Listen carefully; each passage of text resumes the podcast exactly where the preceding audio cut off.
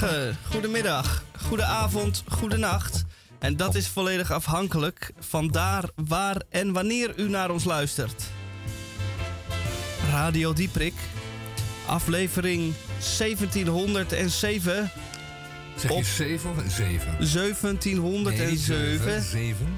1707 op vrijdag 17 Ja, ze zegt- juni zegt het weer. Eh, 2022. 22. Week 24. En wat hebben wij toch een hoop eh, voor u in petto vandaag. We- eh, het is zo erg dat we niet eens onszelf in toom kunnen houden. Wij hebben beginnen altijd, zoals u weet, met eh Tamon J. van Blokland. Hij eh, kon ze ook niet inhouden en zat er al doorheen te kwetteren. Maar dat geeft niks, want hij heeft van alles te vertellen. Ja, twitteren. Ja, dat komt omdat deze week naast de Groene Amsterdammer de gids wordt meegeleverd. En die gaat, die heeft inhoudelijk, eh, laten we zeggen, de detective als onderwerp. Maar er staat ook een hoop poëzie in en waarvan er één wordt genoten eh, vandaag. En ook de Groene eh, deze week is dikachtig, dikachtig. En ja, gaat over, over onze toekomst. En u hoort het zo even over, op het nieuws. Over het nieuws, zei mijn vader vroeger. Wat hoorde ik over het nieuws? Ehm, op het nieuws. ehm, dat ehm, de grens van de opwarming eh, die gesteld werd als zijnde maximaal 2 graden, niet, althans eh, niet gehaald wordt. Dat het dus meer dan 2 graden zal gaan worden. Alle maatregelen ten spijt. Alles wat u heeft bedacht, wat u heeft gedaan tot nu toe, waar u van, eh, van heeft afgezien, van hebt afgezien, ehm, uw autootje, eh, uw eh, elektrische fiets en eh, het potje pindakaas helemaal leegmaken tot de bodem. Het heeft allemaal niet geholpen, ehm, want het worden er meer dan twee. En dat betekent dat er een aantal onomkeerbare dingen gaan gebeuren en dat u zich ernstig moet gaan voorbereiden op een long hot summer. En die kon wel eens heel lang worden, die hot summer. Het wordt gewoon warmer, droger, natter. Eh, droger, natter en warmer. En kouder. In het algeheel onaangenamer. Ja, onaangenaam, maar anders dan we gewend zijn. Dus u, u zult u moeten eh, eh, voorbereiden op een aantal ernstige veranderingen. Dat is jammer, want het ging zo lekker. Het was toch goed, het ging gewoon lekker. Het ging goed. We begonnen net een beetje te wennen, we begonnen net allemaal een beetje te begrijpen. En nu moet u weer een hoop veranderen. Het spijt ons. Het spijt mij en het spijt u. Doe maar wat muziek. Nou, eh, wij zijn nog lang Oh, niet klaar oh, met eh, eh, het, eh, in de introductie. Sorry. We hebben ook nog de DCVM. Ja, natuurlijk. dat is een column van mijzelf. Ja, van Misha. En die bevat hoeveel woorden deze week? Vandaag 677 woorden. Potjan 3, alsof het niets kost. Ik heb er weer inspiratie uit de kast weten te trekken. Uit het bo- op van het bovenste plankje wel ja, te verstaan. uit het gewone leven, hè? Dit is heel erg uit het gewone leven. Ja, niet uit het supranationale. Dit is eh, meer, hoe zegt u dat? Iets van iets kleins, iets groots maken. Ja, ja, dat is de kunst. Dat is de kunst. En verder hebben we ook nog de krompraat. Ja. Met woorden die wij aan u gaan uitleggen. En er zijn En- een paar hele bizarre bij. Dat, nou ja, Hele bizar, bizarre. Ik, ik gebruik het woord niet zo graag hoor. Alleen maar in de zin van dat iets heel erg crazy is. Dan, dan mag je het woord bizar gebruiken. Maar alle andere dingen die een beetje ongewoon zijn, noemt u gewoon ongewoon. Of buitengewoon. Dat is al genoeg. Ja, Huh, niet waar? maar dit is bizar. ja. Deze keer zijn die woorden wel op zijn plaats. En verder hebben wij nog wat dingen die wij gaan bespreken. Actualiteit, al dan niet. En ehm, hebben wij hier nog, want ik zie hier de groene. Ja, En eh, en bijgeleverd de gids hè, deze week. ja, Het dat is niet niks. maandblad De Gids dat bijgepakt wordt. En dat eh, tegenwoordig uitkomt onder de hoede van eh, de Groene Amsterdammer. Groene Amsterdammer is zo, zo breed geweest, zo lief geweest om de gids in zijn portefeuille op te nemen. En om hen zelfs een kelderverdiepingje te gunnen. Zodat ze daar het blaadje kunnen maken. En bij Radio Dieprik, eerst maar even dit. Daar in de zelfbedieningszaak, daar woont een muis. Ik zie hem vaak. Ik neem zo'n wagentje en ik rij. De muis rijdt altijd mee met mij. Daar zit hij zoet op zijn gemak. Tussen de jam en het blikgehak. Tussen de koffie en de gort. En aan de deur daar hangt een bord. katten alleen aan de lijn. Muis in de supermarkt, muis in de supermarkt. Is daar lekker thuis in de supermarkt. Bij de boter en de thee. Bovenop een pak puree. Woont in het rek van de macaroni, macaroni, macaroni. Slaapt in een hoekje apart. Muis in de supermarkt. De klanten vinden het maar zo zo. Een dame gilde oeh en oh en vluchtte in de diepvrieskast en vroor daar aan de iglo vast. Want dames zijn zo erg precies, die vinden muizen eng en vies. Ze klagen dat is toch te gek, er zit een muis op het bakonspek. Ze lopen meteen naar de baas. Baas van de supermarkt, baas van de supermarkt. Muis zit op de kaas van de supermarkt. Het is een schande dat dat mag. Keuteltjes in de hagelslag. Daar in het rek van de macaroni, macaroni, macaroni. Oh, wat rent die toch hard. Muis in de supermarkt. Dan zegt de baas, pardon mevrouw, die muis hoort hier in dit gebouw. Ik zet geen val, ik neem geen kat. Die muis blijft hier en dat is dat. Nu wordt de muis dus fijn verwend door ieder die hem beter kent. Zodat die dik en mollig wordt en aan de deur daar hangt een bord. Katten alleen Muis in de supermarkt, muis in de supermarkt. Is er lekker thuis in de supermarkt. Bij de boter en de thee. Bovenop een pak puree.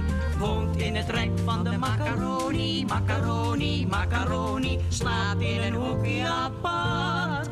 Muis in de supermarkt. Slaap, kleine muis, en droom van je moeder.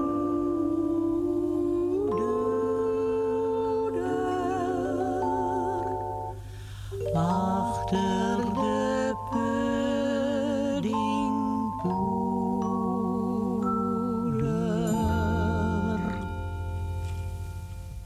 Ja, dit was een van de 58 liedjes uit de tv-serie Ja, zuster, nee, zuster. Dat te bedenken dat het eh, slechts twee seizoenen heeft gedraaid. Slechts 20 afleveringen en het desalniettemin zoveel impact heeft gehad. Dat zelfs wij bij Radio Dieprik, of juist wij bij Radio Dieprik, het tot op de dag van vandaag nog draaien. En mee kunnen zingen, woordelijk. Nou, inderdaad, ja. Ja, dan hebben we het. Maar dat, dat, komt, dat komt omdat wij toen daar een, eh, enige LP's van bezaten. en dan werden die liedjes, omdat er niet zo heel veel eh, leuke liedjes waren in die tijd. Voor ons, of althans voor mijn broertjes en zusjes van die leeftijd van toen. En die LP's werden grijs gedraaid, nagezongen, nog weer een keertje opgezet. Dus dat, dat is dan gewoon ingeëtst. En die woorden, die zei, krijg je nooit meer uit je kop. En het is toch heel fantastisch dat, um, dat de groten, de grote dichters van Nederland hebben meegewerkt. Acteurs, actrices, dichters en filmmakers hebben meegewerkt aan deze serie. En dat het zo goed was dat er nog weer vervolgseries zijn geweest. Geënt op, films zelfs. En deze liedjes, ja, die zijn onsterfelijk geworden. En als je dus ook um, een puddingpoeder op moeder kan laten rijmen in een lied. En dat dan ook nog coherentie geeft. Ja, dan, dan heb je dan dus geslaagd. Dan kan niet anders dan blijven. Dat is het hoogst haalbare. Schat ik zo. Zeker. Wat gaan wij doen vandaag in bij Radio Dieprik? Ik heb een uh, idee, een voorstel, of eigenlijk een uh, concept, wat ik uh, straks later in de uitzending aan u ga pitchen. Dat is een, een nieuwe bedrijf wat ik ga opstarten. Uh, het heeft iets te maken met uh, zelfontplooiing oh ja. en kinderen. Oh ja. Ja, nou, er zijn veel pleidooien de laatste tijd in de krant, merk ik op. Uh, nou lees ik misschien de verkeerde krant. maar het, of, of, of, het, of de redactie laat die brieven door, want die kiest natuurlijk welke brieven gepubliceerd worden. Maar ik lees het steeds vaker, pleidooien van mensen die zeggen: ja, we kunnen alles wel doen en we kunnen wel alles laten. Maar als we nou eens zouden beginnen met het, ehm, met het stoppen van het, wordt het genoemd, maken van kinderen. Alsof je ze maakt. Maar goed, je maakt helemaal niks. Je zet het in gang hoogstens. Maar goed, als we daar eens mee zouden stoppen, dan zou het allemaal veel beter worden op den duur. En dan bedoelen ze waarschijnlijk dat wij dan, wij dan het heel veel meer ruimte zouden hebben. Kunnen wij die ruimte van, dus net zoals een volkstuintje, als er iemand doodgaat, dan kun je het tuintje erbij pikken. Oh ja. En die oude baas naast jou komt te overlijden. En dan pak je in de volkstuin, pak je zijn tuintje er ook bij. Zo, zo hebben we dan steeds meer ruimte. Ja, als je daar dan jong mee begint, heb je op een gegeven moment een landgoed aan volkstuintjes. Ja. Kun je gewoon, uh, heb je gewoon zes hectare. Heb je een volkstuin? Ja, ja zes hectare. Moet je wel allemaal uh, onkruid wieden ja, en zo, dat wel natuurlijk. Dat hoort er ook bij. Maar dat doe je dan, laat je automatisch zo'n onkruidwiedrobot doen. Oh ja. Die zichzelf ook weet op te laden. Die dan zelf naar het stopcontact kruipt. Dat is... Uh, ja, dat is dan... de zelfvoorzienende robot. Dat is dan helemaal erg, ja. En dan piepend laat weten dat het jaarlijkse onderhoud er weer aan zit te komen. Net zoals de belastingaangifte. Nou, fijn. Genoeg cynisch, cynisme. Uh, het is wel op zijn plaats, waar ik zo even zei, dat die opwarming toch niet, niet te stuiten valt. Ik bedoel, het is toch eigenlijk van een grote, grote slapkracht die we met z'n allen tentoonspreiden. Slapkracht, beroemde uitdrukking van de dikke oom. Grote slapkracht. Um, als u nou zou beginnen met, uh, met slaafvrije koffie te kopen en, uh, en chocola. Dit alles alweer, uh, vooral, vooral koffie is nog een, een, vies product. In de zin van dat er, um, laten we zeggen, veel narigheid en vervuiling bij ontbossing, armoede, bij aan te pas komt. En daar zou je mee kunnen beginnen. Want een kopje koffie, dat gaat u toch niet laten staan. En dan kunt u een stap zetten. De andere stapje, kleine stapjes maken een grote. En zelfs dat is nog niet genoeg om die twee graden uh, voor te blijven. Dat is dan wel erg jammer. Verdomd jammer zelfs. Nu uh, gaan we in Nederland een grote transitie tegemoet ten aanzien van het landgebruik. En dat is iets, dat is een echte revolutie. Dat is echt een revolutie, dat gaan we meemaken. Um, de Nederlandse landhoudende uh, ondernemers, agrariërs werden ze ook wel genoemd, boeren, vroeger heette dat zo. Um, ondernemers dus in de land, tuin en akkerbouw, die uh, worden gemaand om, om een flinke stap terug te doen. Dus grote bedrijven waar zeer veel landbouwdieren worden gehouden, gekweekt dan wel gemest die worden gemaand om daarmee op te houden, mee te stoppen. Want alle maatregelen ten spijt is het niet gelukt om de uh, stikstofuitstoot, en KSU in deze vorm van uh, ammoniak vaak, ehm, wezenlijk naar beneden te krijgen. Dus die, dat is er nog maar één oplossing om ermee te kappen, te stoppen. En om de, de grond verder onbebouwd te laten. En um, en, en, de koeien niet meer buiten laten lopen. Als er dan koeien worden gehouden voor de melk, dan moeten ze helemaal binnen blijven. In gas- en luchtdichte stallen. Want er mag dan ook geen methaan meer ontsnappen, anders is het mail op zeven. Enzovoort, enzovoort, enzovoort. En uh, ja, dat maken we nog mee. Maken we nog mee. We krijgen eerst nog natuurlijk een heleboel boze mensen die we echt helemaal niet aan willen, van allerlei soorten. En die gaan zich echt verweren nog. En daar moeten wij onze verstand bij uh, blijven uh, houden.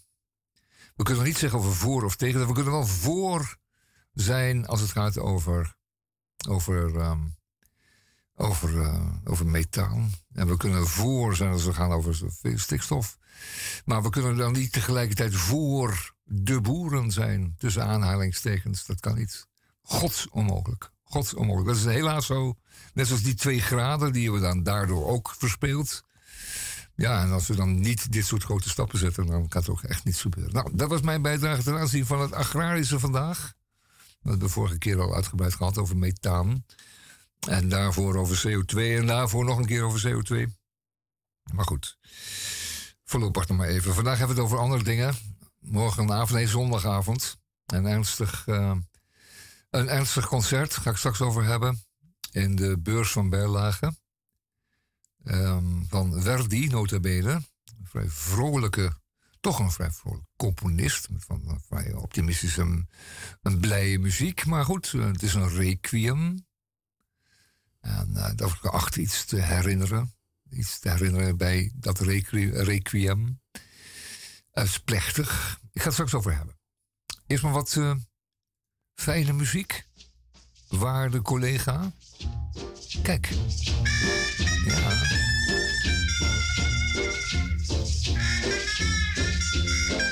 If you ever go down Trinidad, they make you feel so very glad. Calypso sing and make up rhyme. Guarantee you one real good fine time. Drinking rum and Coca-Cola.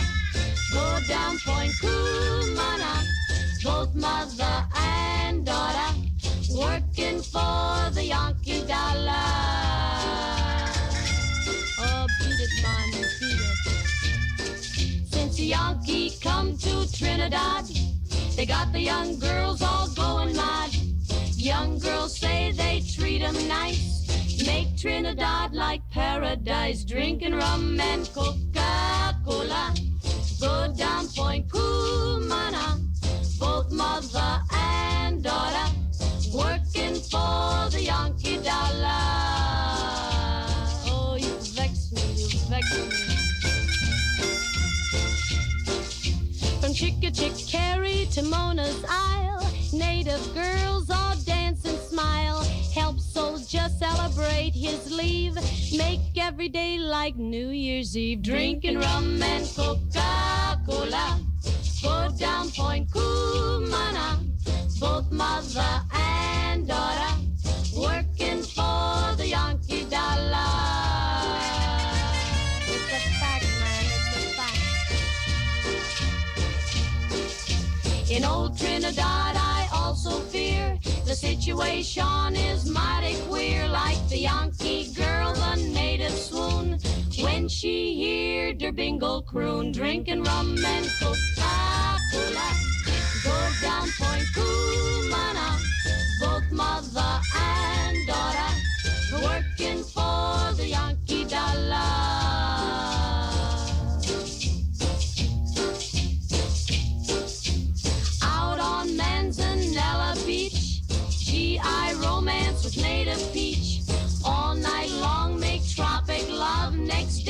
In hot sun and cool off. Drinking rum and Coca-Cola. Go down Point Cumana. Both mother and daughter working for the Yankee dollar. It's a fact, man, it's a fact. Rum and Coca-Cola. Coca-Cola. Working for the Yankee dollar.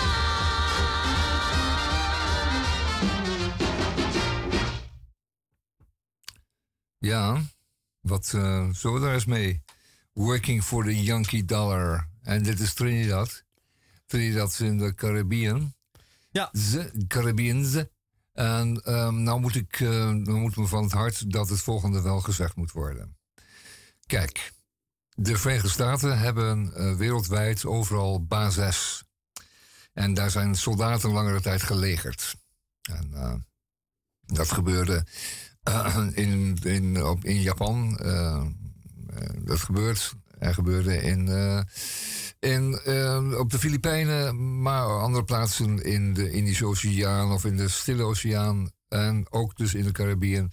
En wat hoorde daarbij? Dat het de soldaten werd toegestaan om verlof te nemen in een nabijgelegen oord. En dat kon bijvoorbeeld voor de Tokio's militairen, kon dat bijvoorbeeld Bangkok zijn. Of um, de soldaten die in uh, Filipijnen waren gelegerd, uh, was het all over uh, Filipijnen. En dat geldt natuurlijk ook voor Trinidad. En er wordt een klein beetje, een beetje over gedaan. Um, Maar het kwam er gewoon op neer dat ehm, soldaten, als zij na enige tijd verlof werd toegestaan, uh, niet wisten hoe ze moesten zuipen en naaien. Want dat was gewoon het, uh, het tijdverdrijf van een soldaat. Wat moest hij anders dan? Want hij had verder niks. hij was ver weg van familie en vriendinnen en uh, de moraal. En die is lekker protestants en streng in, voor de Amerikanen. Maar als het over gaat over wat hij dan mag tijdens zijn verlof op een ver oord, dus Hawaii of ik, dan, dan is het ook goed dat hij op de Filipijnen um, naar kinderbordelen gaat. Dat, is dan, dat was dan ook goed. En, en je hoort een beetje van dit nummer dat het met de moraal niet goed zat. En uh, de zangeres van het nummer, dus rum en Coca-Cola. Um, voldoende rum en Coca-Cola. En ja, en dan een bordeel of een strand. En uh, meisjes die graag willen werken voor de Yankee Dollar. En hun moeders ook. Daar wordt dan ook nog zoveel fijntjes bij gezet. Both mother and daughter are working for the Yankee Dollar. En ik denk, ja, jongens, daar zitten we dan nu mee. En uh, de Filipijnen heeft het inderdaad geleid dat uh, zelfs de hele Amerikaanse basis uh, moest opzouten. En daar hebben ze de basis maar gesloten, want er was geen redden aan. De, het effect op de moraliteit van de Filipijnse vrouwen was derma, dermate slecht dat Um, nee, nee, niet alleen van de vrouwen natuurlijk. Niet op, op, van de Filipijn zou je kunnen zeggen. Nou, dat geld, dat corrumperende geld, die dollar, die Yankee dollar, die corrumpeerde gewoon alles. en uh, toen hebben ze die basis maar gesloten. Maar dat is. Uh, we, hebben daar, we zien daar in, in Bangkok, ik denk er trouwens ook tegenwoordig anders over. Maar in Bangkok is het nog steeds een probleem. Daar is natuurlijk ook die industrie ontstaan rond die Amerikaanse militair die in zijn verlof werd toegestaan om de beest uit te hangen. Afijn, waar zullen we het over hebben? Kan niet allemaal moraliteit zijn. Um, de Groene Amsterdammer van deze week is wel een beetje tijd voor. Uh, langzamerhand, hè? Ja, het is al 34. Het is al weer bijna half. Um, drie, zes, zeven. Zeven verhalen over, uh, met als onderwerp Keerpunt Oekraïne. We leiden. En het is een zeer, serieuze zaak. Die, oorlog in Oekraïne, nu in de Donbass, is zo tragisch en triest. Daar is zoveel ellende en geweld en, um, en bloeddorst en, vernietigingsdrang aan, aan, aan de hand. Althans, aan beide kanten, maar ook, ook vooral, vooral van de agressor in dit geval. Uh, Poetin en zijn trawanten, dat, uh, dat, het, dat de moed je in de schoenen zakt. In de, in de soldatenlaarzen zakt. Ik zou, niet, ik zou daar niet hoeven zijn, niet willen zijn. Ik zou er niet eens wat kunnen doen. Dat is ook zo onmachtige aan. Maar goed, uh, er, veranderen, er zijn een aantal dingen veranderd. En er gaan nog een aantal dingen veranderen. Het is nog niet over afgelopen. Um, de standpunten verharden zich, zou je kunnen zeggen. Um, of Oekraïne echt alle gevraagde hulp zal kunnen krijgen, is nog maar de vraag. En hoe zal het dan vergaan? Zal het helemaal aan gort geschoten worden en eindigen als een soort um, lamgeslagen, ja, quasi-neutrale staat waar de frustratie hoog oploopt om de zoveel tijd? Of zal het de goede kant op gaan? Niemand die het weet, maar het levert wel een heleboel zorgen en ellende op. Ook de standpunten, gek genoeg die uh, van, de, van de, de wereldburger verharden zich daaromheen. Dat is ook zo'n vreemd fenomeen. Alsof het je niet aan zou gaan, of, of, om, omdat je, je aan, een standpunt wordt gevraagd. Vreemd. Vreemd. Je kunt maar één standpunt hebben, namelijk dat je niet moet moorden. Dat moorden moet niet mogen. Althans, moet nooit lonend mogen zijn. Niet waar? Het mag niet, het mag niet zo zijn dat als je de, als de winst maar groot genoeg is, dat dan de, de, de moorden vergoeilijkt zijn. Dat kan nooit. Absoluut niet. Nou, lees u dat in Groen Amsterdam. Die zeven stukken gaan over uh, Zelensky natuurlijk, maar het gaat over, over de militaire industrie die uh, behoorlijk oplevert, opleeft. Over, uh, over de, de effecten die het heeft op uh, de leden van de Europese Unie en, en de leden van de NAVO. Hoe Europa zich zal moeten wapenen tegen een levensechte agressor in de zin van Poetin. En wellicht later van een levensgrote agressor in de vorm van een Chinees, een rood Chinees. Ja, niet waar? Ehm, die ehm, jouw, ehm, jouw vrijheid komt belagen en jouw geld en je geluk komt halen. dat zal allemaal nog blijken. Dus het is allemaal wel een, een grote verandering die voorafgaat. Eigenlijk aan de toekomst. Althans, het was altijd zo. Dat veranderde zich na, na de grote gebeurtenissen voltrekken. Maar nu hebben we de grote, eh, nu, nu, nu hebben we de veranderingen voorafgaand aan de grote gebeurtenissen. Oké. Ehm, dan een stukje in de Groen Amsterdammer over, over GroenLinks en de PvdA. Nou, interesseert u dat nog een klein beetje? Dit typisch is natuurlijk een groene onderwerp. Maar die twee, ja, die vertegenwoordigen de linkse kant van Nederland en zullen wel op een zeker moment samen gaan als het opportun is. En misschien ook wel een tijdje lang handje in handje lopen. Ach, het is allemaal niet zo heel erg belangrijk in de geest van uh, de rest van de zaken wereldwijd. De stikstofstrijd, ook dat zal uh, flink wat geharrewar en flink wat uh, gescheld en, en, en agressie opleveren. Want het zijn hele grote ondernemers die, die plaats zullen moeten maken voor, voor wat anders of, of voor, voor leegstand. Mensen zeggen ja, maar die boeren die onderhouden ons landschap. Nee, dat doen ze helemaal niet. Ze onderhouden helemaal niks in het landschap. Ja, ze zaaien het vol en ze smijten het vol. Gisteravond om precies kwart over acht was er een boer in Amsterdam Noord, of denk ik Waterland ergens, die besloot om zijn gehele weiland onder de dunne stront te gooien. En het was zelfs bij mij binnen in de kamer niet meer te harde van de strontlucht. Ik bedoel, dat zijn hoeveelheden stront, dat kun je je niet voorstellen. Kijk, ehm, ik ben zelf ook een achterkleinzoon van, uh, van, uh, van een uh, melkveehouder. Melkveehouders zelfs. En wat gebeurde dan in het voorjaar? Dan werd de mestvaalt uitgereden, één keer. En dat was, het waren mesthompen, vermengd met stro en hooi. En die werden ruwweg uitgesmeten over het land. En die vroren dan en die verwaterden dan naarmate de tijd vorderde. Nu worden er zeer grote hoeveelheden mest in één keer of meerdere keren uitgereden en diep geïnjecteerd in het land. Uh, boeren zorgen voor het landschap. Ik zou zeggen mereed, maar ja, dat mag je niet zeggen op de radio. Dat is niet netjes. Maar het is niks van aan. Er is niks van aan. Zij gebruiken het land. Dat zou je kunnen zeggen. Of ze er nou voor zorgen, geloof ik helemaal geen, nogmaals, poepert van. Uh, nou, links Frankrijk ook zoiets. Net zo links als GroenLinks en de PvdA natuurlijk. Wat is nou links? Um, links is waarschijnlijk niet rechts, maar ja, dat is er ook wel mee gezegd. Um, we houden er maar even over. Straks ga ik nog eventjes hebben, en dat is bij andere gelegen, misschien een tweede uur, over um, het uh, requiem van Verdi, dat opgevoerd zal worden zondagavond in de beurs van Berlage. En wat er allemaal omheen hangt. Uh, naar aanleiding van een stuk van Raymond van der Boogaard in de Groene Amsterdammer. Maar dat doe ik in het tweede uur wel.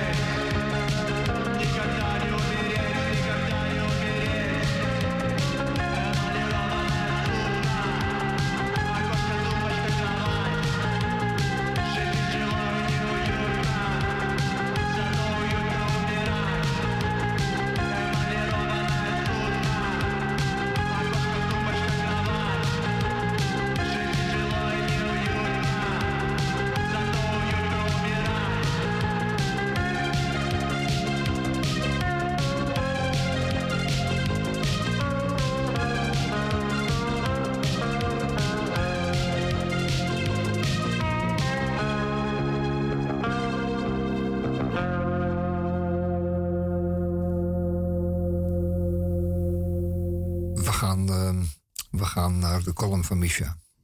We gaan naar de column van Misha, omdat Misha onze, onze dichter is, huisdichter, huistechnicus, huismuzikant, huiscabaretier. En uh, omdat hij verder gewoon in zijn totaliteit onvervangbaar en onuitwisbaar is. Onuitwisselbaar. onuitwisselbaar. Het is een. Uh, is een, een hoofdstuk en niet een hulpstuk. Het is een, een, ook geen onderdeel, maar het is de drijfstang, de krukas. Deze keer 677 welgekozen woorden. Ga je gang, Misha. Het is woensdag. Het is warm. Erg warm. Desalniettemin heb ik een bezoek gebracht aan het piepkleine en schattige theatertje Massini op de Zeedijk. Met z'n 45 zaten we opgepakt in een oververhit zaaltje. De voorstelling was alleraardigst en de fietsrit naar huis voelde als een verademing wat temperatuur betreft.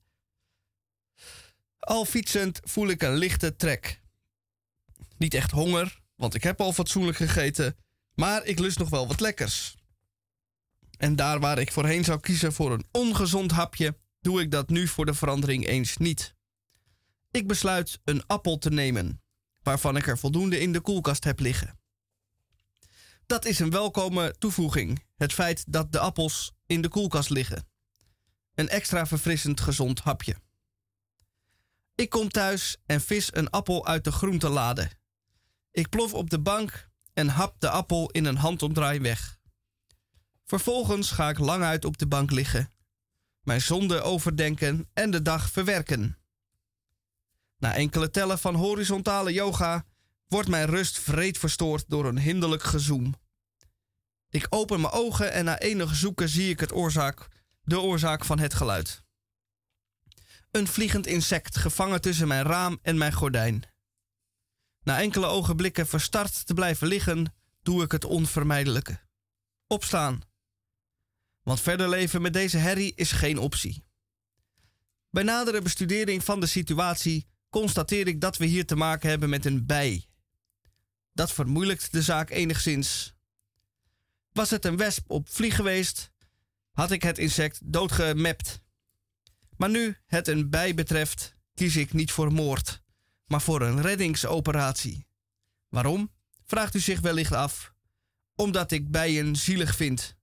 Geen ratio, maar emotie. Deze reddingsoperatie heeft niet veel om handen. De bij bonkt namelijk tegen een raam aan dat ook open kan. Maar helaas is dat de eenvoudige gedachte van mij. Want zodra ik het raam open, raakt de bij nog eens extra in paniek en vliegt deze zigzaggend omhoog naar het plafond toe.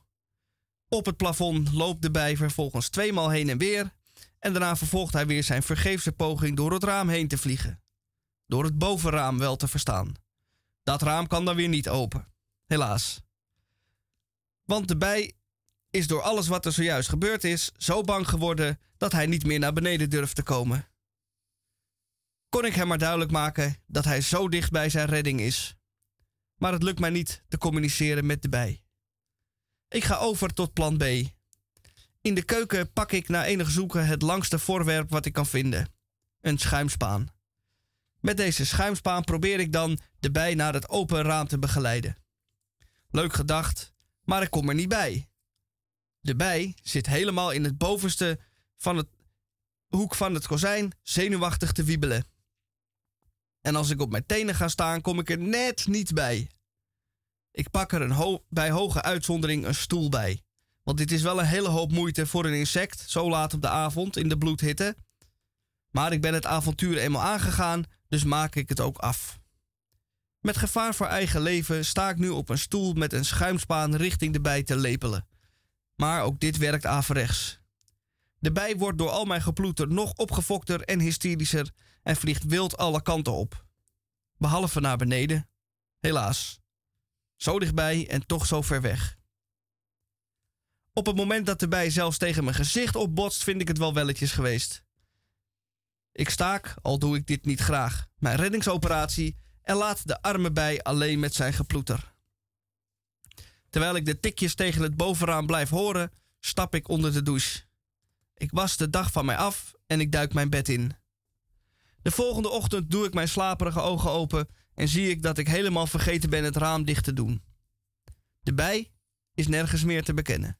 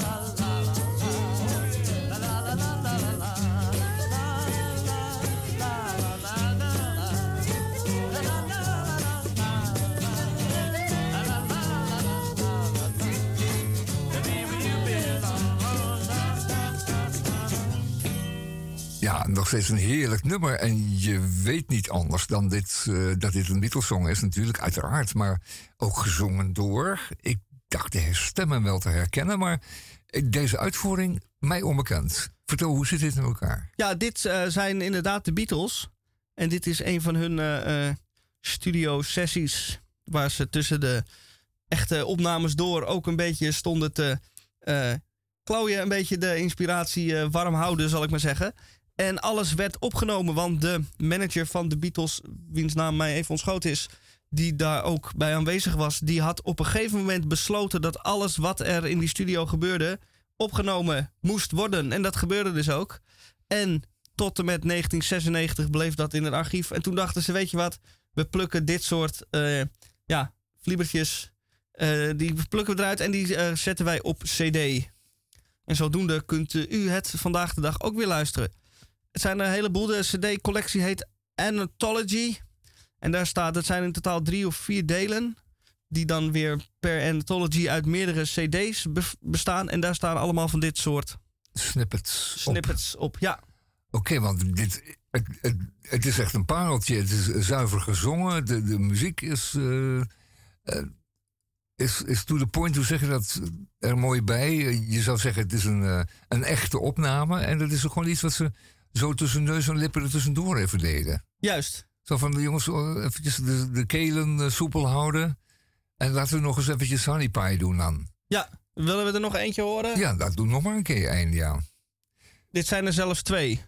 In ja, dat is één. goed, want ik zag gisteravond nog eventjes een hele leuke documentaire over de secretaresse van de eh, Beatles fanclub. Die eh, heel Ah. lang, ja, mevrouw Kerry, een leuk, een leuk verhaal erover.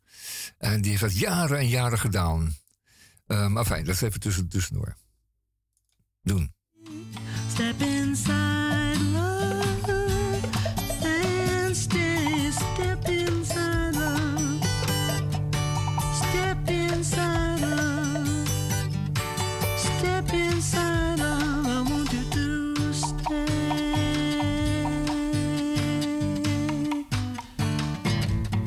You look tired,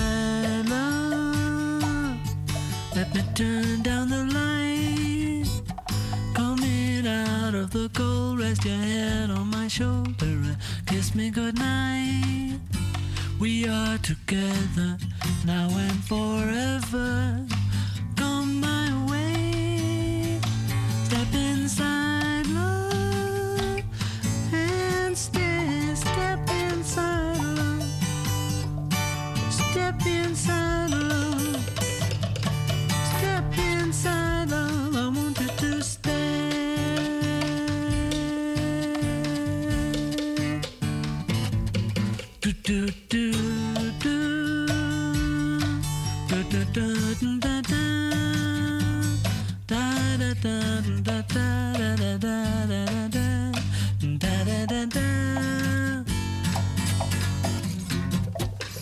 Joel Pereiris and the Prairie Wildflowers. Los Paranoias. Los Paranoias invite you to to just enjoy us. Come on, you can do it, baby. Come on and join Los Paranoias. Just enjoy us, Los Paranoias.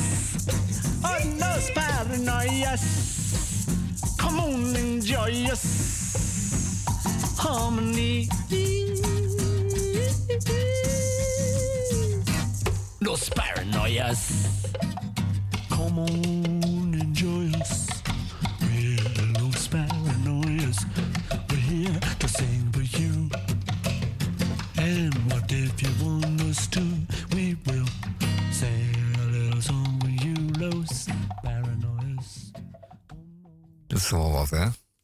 Zo improviseren op één woord en dan met een eh, kokosnootje en een gitaar eventjes een heel liedje maken. Eh, voor, de, voor de vuist weg, om eh, een beetje soepel te blijven in je muzikaliteit.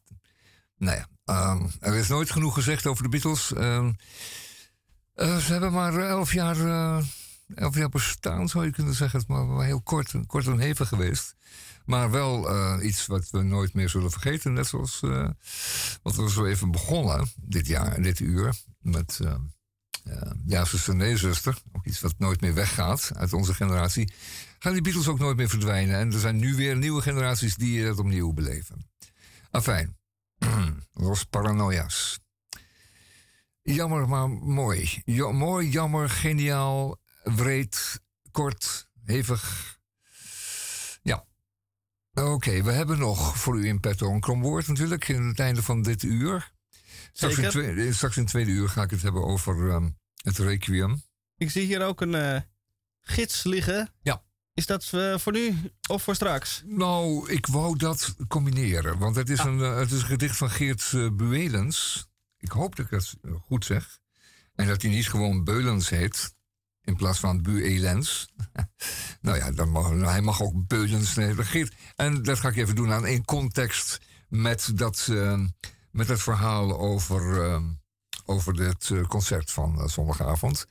Uh, daar zal ik maar even mee wachten. Um, in, de, in de gids van deze week uh, gaat het voornamelijk eigenlijk nee, totaal over het fenomeen detective. Um, detective, is dat nou, is een detective een rechercheur? Nou, dat zou ik moeten weten. Een detective is uh, vaak iemand die, die daar dan weer buiten staat. Een rechercheur is dan vaak onderdeel van de, van de politieorganisatie die het onderzoek uh, doet. Maar een detective kan er ook weer buiten zijn. Je kunt een detective inschakelen. En die gaat dan geheel eigen, zijn eigen gang. Heeft dan misschien weinig uh, mogelijkheden om um, overal naar binnen te treden en zo. Maar die kan zijn eigen gang gaan. En die gebruikt natuurlijk voornamelijk zijn hersenen om uh, tot een oplossing van de zaak te komen. De diefstal, de moord, de verdwijning. Hè, waar, je, waar, die, waar die detective allemaal op kunt zetten. Je kunt hem ook zetten op je vrouw of op je man. Als je denkt dat hij overspelig is. Hè, dan uh, gebruik je daar ook de detective voor. En dan gaat hij, uh, dan gaat hij die ander. Uh, nou fijn, die doet zijn onderzoek dan. Maar goed, het verschil tussen. En er wordt een aantal keren een rechercheur geïnterviewd in de gids. Dat is ook een beetje, beetje anders dan anders. De gids is meestal niet zo echt uh, realistisch in die zin. Meestal zijn het verhalen. En heel veel poëzie natuurlijk. Maar nu gaat het dus even over echte dingen. En een aantal beschouwingen over de detective. En, uh, we hebben spreekwoordelijke en, en detectives, uh, Poirot, uh, Holmes. En zo zijn er nog een aantal die zullen eeuwen. En, en, en, de Chinese detective, hoe heet het ook alweer? Chi of zoiets. En um, die zijn allemaal hartstikke slim. En die weten te te deduceren, te. te, te het waren drie vormen van. Uh, je hebt de deductie, inductie en de abductie. Drie vormen van, uh, van, uh, van onderzoek, van denkmethoden. Als het gaat over het oplossen van het raadsel. Waarvan wij de deductie natuurlijk kennen, die op de manier waarop Sherlock Holmes die toepaste. Die had vaak een detail genoeg om zich een hele reeks van eh, gevolgen of omstandigheden meteen voor te stellen, waardoor hij tot een, tot een eh, op, oplossing kon, eh, kwam van een, van een probleem. Zei, als het dan, als het dan, dan moet het, als dat nou zo is en dat zo is, dat is dan deductie, dan moet het dat ook zo zijn. En als dat zo was, dan had die man met die wandelstok ook een huisdier met witte, witte haren. Ja, zij een kat, zij het een hond. En dat maakte hem natuurlijk, aangezien ook een enkele van die haren waren aangetroffen op de kleding van het lijk, had hij eh, wel, wel degelijk wat mee te maken. En dat zou dus al een flinke aanwijzing zijn dat de dader wellicht in die hoek lag van de eigenaar van een huisdier met witte haren. Enfin, ehm Sherlock Holmes, daar gaat het allemaal over in de gids deze week. Leuk, leuk om te lezen. Ach, absoluut. Leuk, leuk, leuk. Dit is een nieuwe, nieuwe ingang eh, zeg maar, van, de, van, de, van de gids om het weer zo te, zo te doen. Een paar stukken over eh, het fenomeen eh, vingerafdruk. Erg grappig. Het is nog niet zo oud, hè? Het hele fenomeen vingerafdruk bestaat nog niet zo lang. Het is pas sinds kort, eh, 100 jaar of zo, dat men, men ervan uit durfde te gaan dat er geen twee mensen waren ter wereld die met eenzelfde vingerafdruk kan. Dat is natuurlijk het hele eieren eten. Is dat een unieke eh, afdruk is, een uniek eh, huidpatroon is dat eh, niemand zal bezitten in die mate of in die vorm. En eh, het komt wel aardig overeen, maar het is nooit, nooit, of nooit of nimmer hetzelfde. Dat, eh, omdat dit, eh, die vingerafdrukken ontstaan ergens in de feutale periode, kun je het ook nadien ook nooit meer veranderen. En eh, ze schijnen ook altijd weer terug te komen. Mocht je een stuk van je huid afhalen, dan, dan zal het toch altijd weer opnieuw teruggroeien. Op dezelfde wijze. Dat is dan ook nog zoiets, hè? Ik heb wel eens gehoord dat, eh, Ja. Ik weet niet, misschien is dat een broodje aapverhaal. Oh ja, vertel. Maar dat eh die inbrekers eh, eh, die geen vingerafdrukken wouden achterlaten, hun Ja. vingers st- gingen strijken Ja, met een strijkbout, hete strijkbout, ja. om dan de, het profiel weg te Strijken. strijken. Nou, Is wat, dat- er, wat er gebeurt is natuurlijk dat je je vinger verbrandt. En dan ontstaat er een blaar op precies de pla- plaats van de, waar de vinger het voorwerp zal raken. Dus precies op je vingerspitsen. En daar trekt de huid zich wat strak. Omdat er vochtvorming onder die blaar zit. En dan, dan is de, de, de vingerafdruk minder prominent. Maar je kunt hem niet uitstrijken zonder hem te... Je kan hem niet glad strijken. Nee, je kan hem niet glad strijken. Het is niet zomaar een rimpeling. Er zit een wezenlijk eh, in, de, in de huid gebakken. Hè? Die, de kloof en de berg. Ja. Die zitten erin gebakken. En ehm, ze zullen ook altijd weer teruggroeien. Ja, en ik denk ook dat deze techniek eh, Verwond ze maar, dus dan Uitge- goed, dan weer netjes terug. uitgevonden is voor, eh, of eh, toegepast werd voor de uitvinding van de handschoen. Ehm, ja, nou, de handschoen, de handschoen, kijk, laat ik het zo zeggen. Ik ken het uit de praktijk. Ik vind het natuurlijk wel mooi dat ik het uit de praktijk ken, maar ik ken het uit de praktijk. Ehm, die handschoen, die, eh, dat is allemaal mooi en aardig. Ja, natuurlijk zal een beetje inbreker zal ook handschoenen aantrekken. Eh, die is zo dom niet, zoals gezegd wordt. Maar het punt is dat juist daarom, eh, als je weet dat een ervaren inbreker handschoenen aan zal hebben, zal hij in een onhaven geval zijn handschoen even uittrekken omdat hij iets niet open kan krijgen. Of omdat hij iets niet om kan krijgen. Of niet in kan krijgen. Hij zal even zijn nagel nodig hebben om iets op te wippen.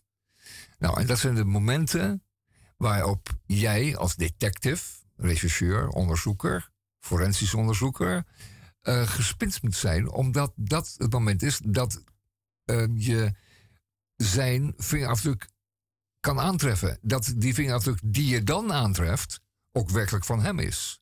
Ja, Omdat jij ziet van, hij heeft een hele tijd zijn handschoenen gedragen. Hier, daar, daar, daar kom je elke keer tegen. Hè? Want ook een handschoen geeft een afdruk. Dat geeft ook een smeer. Ehm, en daar opeens niet. Want, en dat kun je dan deduceren, heeft hij geprobeerd om dat blikje open te krijgen. En dat is een, een, een, een appelstroopachtig blikje met, met, weinig, met, met weinig rand daaraan, geen velsrandje. Je moet er je nagel achter zetten om open te krijgen. Het is een juwelenblikje. ik kan me zo voorstellen dat met een. En, zijn, en, en als je daar een print op vindt, daar een vinger op vindt, dan is het wel van hem. Ja, ik kan me voorstellen dat je met een eh, eh, dikke winterhandschoen of met wanten waar helemaal geen vingers in zit, dat probleem hebt. Maar je hebt toch ook handschoenen die men in het ziekenhuis eh, toepast. Ja. Die zitten toch lekker strak en daar kun je eh, alle blikjes toch ook mee open Nou, nee, dat is gelukkig niet het geval. Gelukkig voor de onderzoeken is dat niet het geval. Ehm, daar komt bij dat, ehm, en nu geef ik misschien wel een geheimpje weg, dat Oh, deze handschoentjes weliswaar heel strak zijn en, en ook tactiel wel wat voorstellen. Je voelt er wel redelijk wat mee. Ehm, maar heel fijn werk kan je er niet mee doen. Je kunt er nauwelijks een horloge mee opwinden. En, verder eh, gaan ze ook vaak stuk. Dus eh, juist de vinger die je het meest gebruikt, eh, de, de, de wijsvinger, de ringvinger, die gaan het snel stuk. En die handschoenen zijn er helemaal niet tegen bestand tegen dit gebruik. Die zijn daar Nee. niet voor bedoeld. En die zijn bedoeld om eventjes ehm, in, aan, aan iemand anders lichaam te zitten. Zeg maar door de arts, verpleger. Maar eh, niet om daarmee eh, kluizen open te maken. Dat gaat gegarandeerd stuk. Nee, ik eh, heb even een vraag. Want Ja. wij zitten hier heerlijk te kwebbelen over hoe je het beste kan Oh. inbreken. Maar Nou, we hebben nog maar 4,5 minuut. Ja. En dat is eigenlijk niet voldoende voor de krompraat. Want dan wordt het zo'n gehaast, gehaaid oh gedoe. ja, ja, ja. Dan stellen we het even uit Dus- en, dan Schuiven we hem door naar de door. Dat kan, hè? volgende uur. En dat geeft ons dan weer wel de ruimte Mhm. om extra veel tijd te nemen voor de enige echte. U weet ongetwijfeld wie ik bedoel. En nu eh, laat de techniek mij in de steek, maar dat Ach. geeft niks. Nee, nee, dat doet hij niet echt. Nee, ik doe het zelf. Maar compliceert de zaak alleen maar. Als we er alleen maar een plaatje op hoefden te zetten... en hoeft dat naaldje op, in de groef te zetten... En dan ging het meestal wel goed. Maar nu hebben we dus elektronica... en die gaan per definitie natuurlijk eh, jou in de steek laten. Overigens, eh, met die eh, vingerafdruk, mijn laatste opmerking... die was ooit eens bedoeld... eh, niet om de schuldige aan te wijzen bij, bij een misdaad... of om een spoor op te leveren... maar gewoon puur om mensen van elkaar te onderscheiden. Hè? Daar was het alleen maar voor bedoeld. Ah. En dan in de zin van ehm, een Javaanse of een, een Nederlandse eigenaar van een Javaanse suikerfabriek. die niet wilde dat bepaalde eh, eh, mensen in zijn fabriek kwamen te werken. in verband met eh, opruiming of anderszins. Dus om ze te onderscheiden, want die Nederlander kon al die Javanen niet uit elkaar houden. Ze leken allemaal op elkaar. Als hij een vingerafdruk had, dan had hij wat. Zo is het gekomen. juist. Tot in het tweede uur van Radio Dieprik.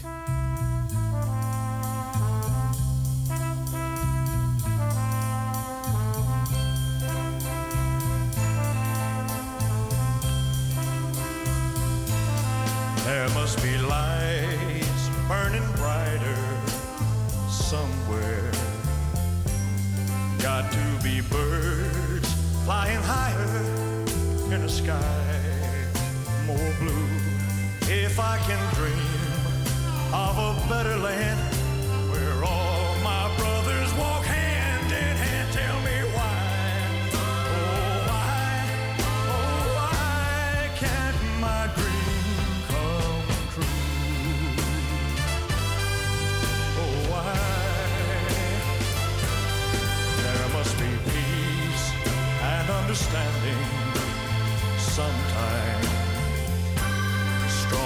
Of promise that will blow away the doubt and fear.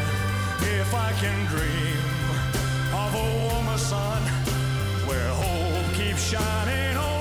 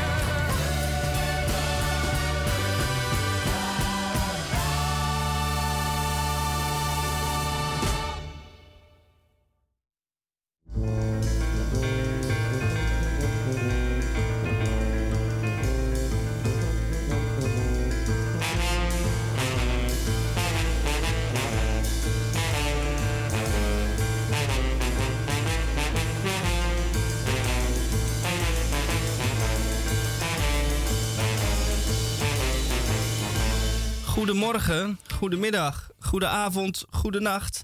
En dat is volledig afhankelijk van daar, waar en wanneer u naar ons luistert. Ik chase hem er doorheen, want hier in de studio is de, het klimaat, de klimaatkamer prachtig onder de 20 graden. En daar houden we van. En ik hoop dat u het ook een beetje uithoudt. En wat hebben wij allemaal nog in de tweede uur? We gaan eh, de gids behandelen.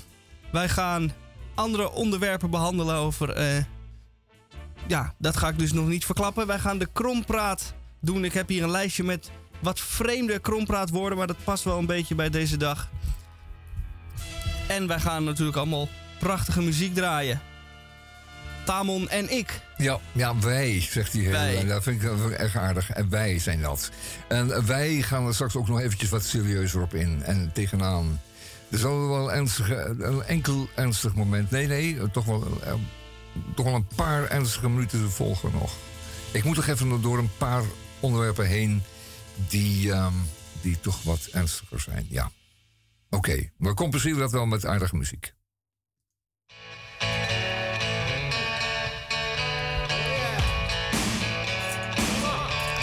Is het bluesy?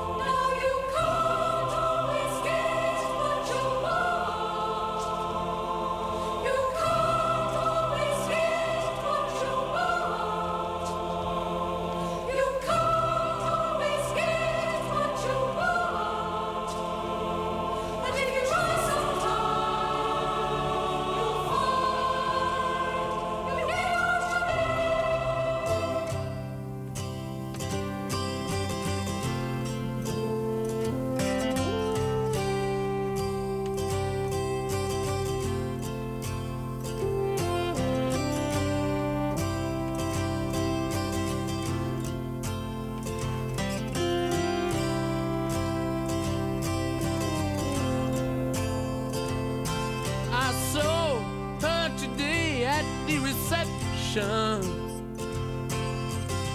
A glass of wine in her hand. I knew she was gonna meet her connection. At her feet was a footloose man.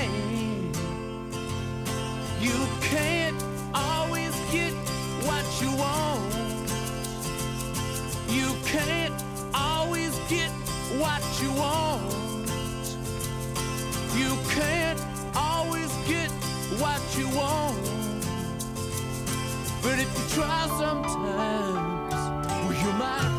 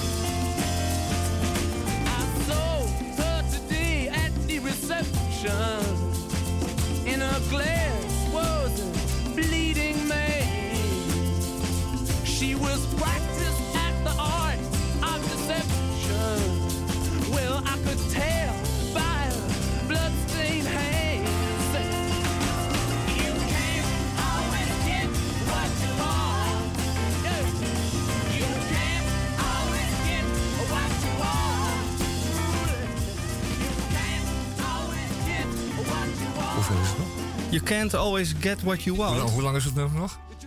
Nog uh, twee, bijna een half minuut.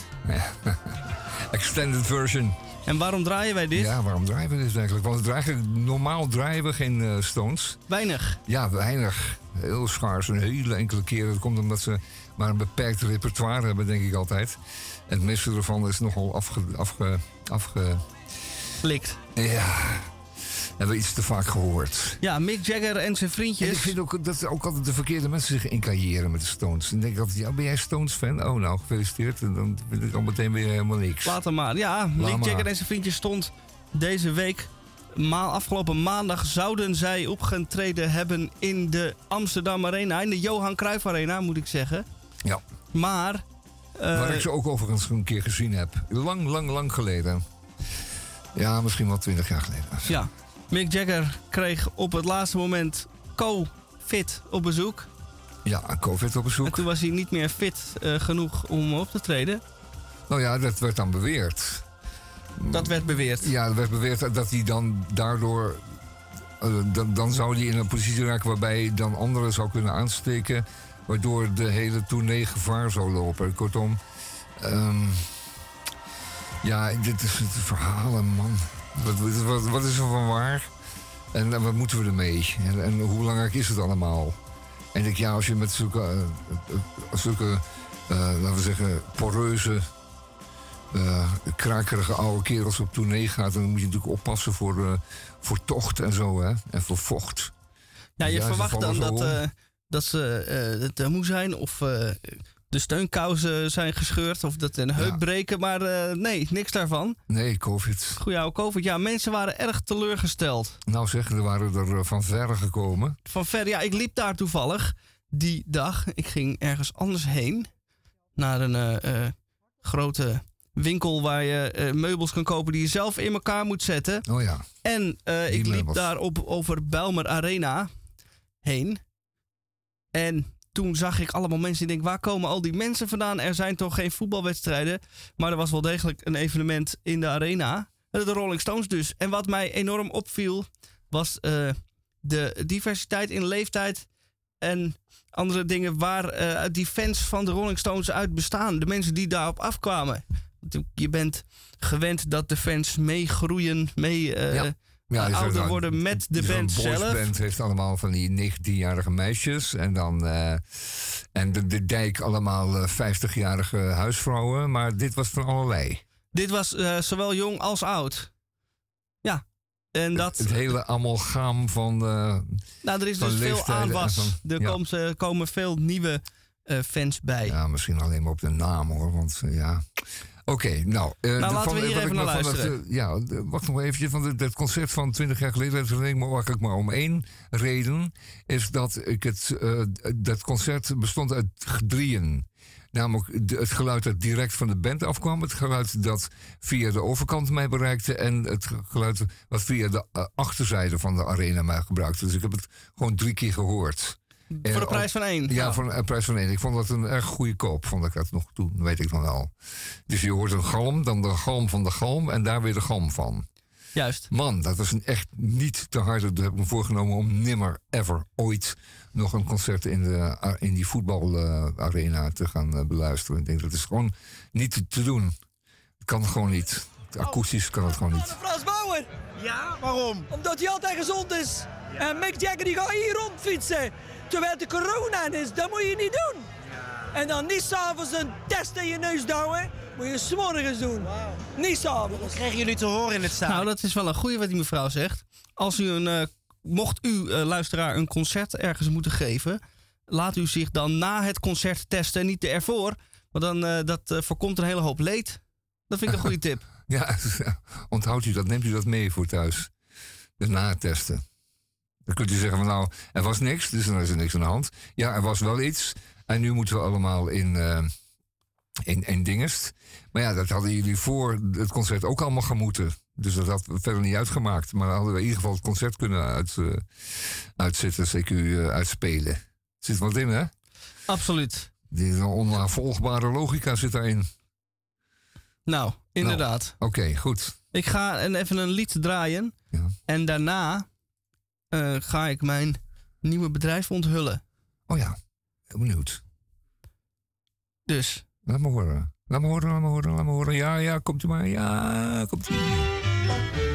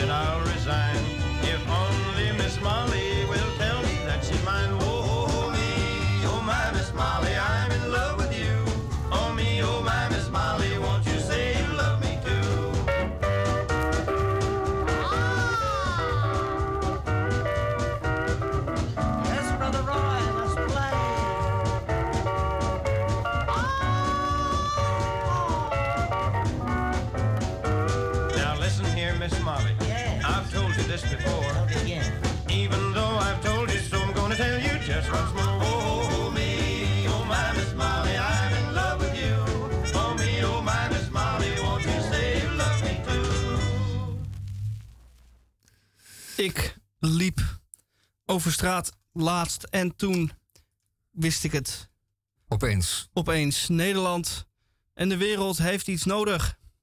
En wat is Mhm. dat? Ja, ja, ja. De baby opvoedservice. U denkt aan de Oh. hondenoplaadservice. Ja, die is- Daar, komt het, eh, eh, daar gaat het naartoe. Met elektrische auto's is opladen en dan heb je uitladen. Nee, Uitlaatservice. Zei ik oplaadservice? Ja, je zei Oh, oplaadservice. het was de hondenuitlaatservice bracht mij op het idee voor de baby opvoedservice. Oh ja. En wat is een baby opvoedservice? Dat is een bedrijf wat ik opgestart heb om uw baby en uw eh, kleinen, uw kids op te voeden en al dat wat bij opvoeden eh, komt kijken uit ja. uw handen te nemen. Want u bent eh, nog jong, u bent modern, u eh, doet aan zelfontplooiing en u vindt me-time heel belangrijk. En, En zo'n er heeft heel kind veel tijd voor nodig voor uzelf. zo'n kind eh, loopt daar natuurlijk in de weg dan. En dat eh, kind Verstoort is boel. leuk om met de kinderwagen door de, het park te lopen en naar andere babybezitters te zwaaien. Zeggen, hé, hey, jij hebt ook een baby. Ja, ik ook. Leuk. Maar dan in de avond moet er wel wijn gedronken worden op het terras. En dan, ja, dan neem je die baby niet mee. Maar ja, om die baby nou alleen thuis te laten, dat werkt niet. En dan denkt u natuurlijk, daar zijn toch oppassen voor? Daar heb je toch nannies voor? Ja, maar wat ik nou vaak te horen krijg, zeggen mensen tegen me, Misha, zeggen ze, Misha, dan zit ik daar op dat terras lekker eh, te drinken en te eten. En de baby is thuis met de nanny. Maar dan begin ik toch in mijn achterhoofd. Hoor ik dan toch dat stemmetje? Ja, gaat dat nou wel goed? En geeft de nanny wel de juiste hoeveelheid melk volgens het boekje? En dan ga je je toch zitten eh, s- stressen en te zitten opwinden over die baby nu nog bij je thuis zit. Dus dan zit je nog niet lekker in je meantime. En daar is dan dus de baby opvoedservice voor, waar u uw baby dus gewoon permanent kunt achterlaten en af en toe kan komen ophalen om te flaneren door het park. Ja. En de rest van de tijd heeft u nog er geen last van. Ja, ja, ja, dat is alleen maar de benefits eh, daarvan te Precies. ondergaan. En daar hoeft u niet zoveel voor in te leveren dan. Nee. Dan kunt u uw leven gewoon voortdoen. eh, in alle opzichten. Met alle, de, de hele hedonische gebeuren eromheen. En uw yogamatje en uw, eh, uw eh, weet ik veel, uw thee en uw eh, havermelk. En dan hoeft die baby daar niet, dat niet te verstoren, dat heerlijke proces van zelfontplooiing. Precies. En u kunt ook lekker lang door blijven werken als dat, u, als- dat uw talent is. Of u kunt eindeloos blijven door ouwe hoeren als dat uw talent is. En die baby die verstoort de boel niet. En dan kan, is het toch de baby in goede handen. En eh, tegen die tijd dat het naar de basis, eerst groep 1 van de basisschool gaat... dan eh, kun je het wel weer een keer ophalen dan bij de baby opvoedservice. Precies. Lijkt me. Eh, het kost een procenten, dat kost een groot deel van uw inkomen dan. Maar dat was u dan sowieso al kwijt geweest. En u krijgt daarvoor in de plaats natuurlijk alle tijd en de mogelijkheden om uzelf ruim te ontplooien. U kunt dan uw, verder uw, uw carrière voortdoen. En dat levert uiteindelijk ook meer centen op. Dus eh, de- het kent alleen maar winnaars, dit, eh, dit plan. Het is een, een, een triple-win situatie. Ja, er is nu al een wachtlijst. Maar eh, ik ben op zoek naar extra opvoeders. Ja. Dus eh, blijf u vooral voor Nou, die, aanmelden. zijn er, die zijn er zat. Het zijn vaak mensen die eh, wat ouder zijn en die eh, echt wel een beetje inzicht hebben in wat een kind zou moeten kunnen weten en doen. En laten, ook erg belangrijk. Je ziet dat in andere culturen het eh, mensen heel erg goed lukt om hun kinderen op te voeden. Ehm, bijvoorbeeld Franse kinderen zijn uh, buitengewoon veel beter opgevoed dan die van ons, om maar eens wat te noemen. Dus die zorgt ervoor dat je een paar eh, wat oudere Franse opvoeders eh, daarvoor in dienst neemt, zou mijn advies zijn. En dat gaat dan allemaal helemaal goed komen. En wellicht leren, leren ze al vroeg ook nog een andere taal daarbij. En dan zou het Frans eh, dan ook wel een uitstekende keuze zijn, denk ik. Ehm, Oké, goed idee, uh, Misha. Doen, pak die kans. Ze liggen er. Ze liggen er niet voor niets. Ehm, nou, dat komt mij eh, nu. ehm, zal ik maar eerst beginnen met het gedicht? Nee, ik zal eerst maar even de introductie doen. Op de avond van de 4e mei zag ik, eh, dat heb ik verteld op de radio al, zag ik een, een, een meneer en die vertelde ons een verhaal, een historicus was dat. Die vertelde ons verhaal over de stad en over, ja, over de stad Theresienstadt. En dat Theresienstadt was een ghetto, een ommuurd ghetto in de jaren 40, 45, waar, men, waar de Duitsers, de nazi's, ehm, enorm veel Joden hebben ondergebracht. Die ze daar naartoe transporteerden en ook weer vandaan transporteerden richting gaskamers, richting moord en dood. Ehm, maar die daar tijdelijk verbleven om redenen van. En die redenen zijn pas eh, duidelijk geworden na de oorlog toen men de zaak analyseerde. Wat bleek nou? Dat was een soort modelsituatie waarvan eh, de- met, de- met de, als bedoeling dat het als het ware een, een, een beetje een demper zou zijn van alle angstgevoelens die, die heersten onder de mensen die eh, naar het oosten werden getransporteerd. Zo van, eh, het zal allemaal wel meevallen, het zal ons wel goed aflopen. Als we naar Theresienstadt worden gedeporteerd, dan eh, overleven we het zaakje misschien ook wel. Wat ze niet wisten, is dat er alle mensen die naar Theresienstadt werden gedeporteerd, ook daar, daarna weer doorvervoerd zouden worden en alsnog vermoord. Afijn. In 1944 pas eh, kwam het Rode Kruis na heel veel verzoeken op het idee om toch maar eens een van de notoire Duitse concentratiekampen te bezoeken om te kijken of het allemaal waar was wat er eh, aan gruwelijkheden zou geschieden in deze kampen. En hebben toen Theresienstadt notabene uitgekozen om eh, een bezoek aan te brengen en om, de, om een rapport eh, te schrijven voor de, de internationale Rode Kruis omtrent deze kampen.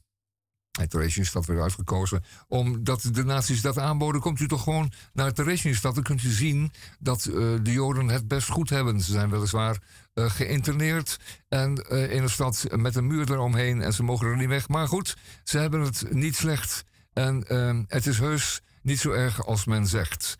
Ehm, Oké, toen het Rode Kruis akkoord was met het bezoek, heeft men in allerijl, de nazi's dan, eh, het stadje Theresienstadt, wat een volkomen uitgewoonde stad toen al was, eh, voormalig eh, vestingstadje van waar ooit 7000 waren er tienduizenden arme donders waren daar opgeslagen op kelders en op zolders. waanzinnig slechte omstandigheden. Maar daar is toen in no time is Theresienstadt voorzien van een hele façade van nep. Ehm, er werden kinderspeelplaatsjes ingericht. Er werden winkeltjes ingericht om de zaak maar zo normaal mogelijk te doen lijken. De zaak werd opgeschilderd en schoongemaakt. En ehm, nog. eh, en, en, en toen is daar die eh, delegatie van het Rode Kruis rondgeleid. Die kwamen toen eh, redelijk tevreden daar weer uit. Ze van, nou, het valt allemaal mee. En er is toen ook tegelijkertijd één film opgenomen van dat bezoek. En tijdens dat bezoek, of vlak voor of tijdens en daarna.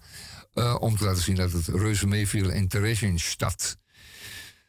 Ehm, Oké, een volkomen eh, geslaagde fake operatie dus. Een, ehm, een echte Potemkin eh, situatie waarbij de wereld wat vals, vals werd voorgespiegeld. Deze film, en die heb ik een gedeelte van, van, van wat er aan die film, van de, van de film is overgebleven, daar heb ik gedeelte van gezien op die avond van die 4e mei in het uh, Theater. Met de uitleg daarbij. En van die film van anderhalf uur ooit, gemonteerd anderhalf uur, ehm, is er nog 26 minuten overgebleven. Waarschijnlijk zijn er nog kopieën, of is de echte kopie eh, in, eh, in Russische handen gekomen. En die is nooit meer boven water gekomen.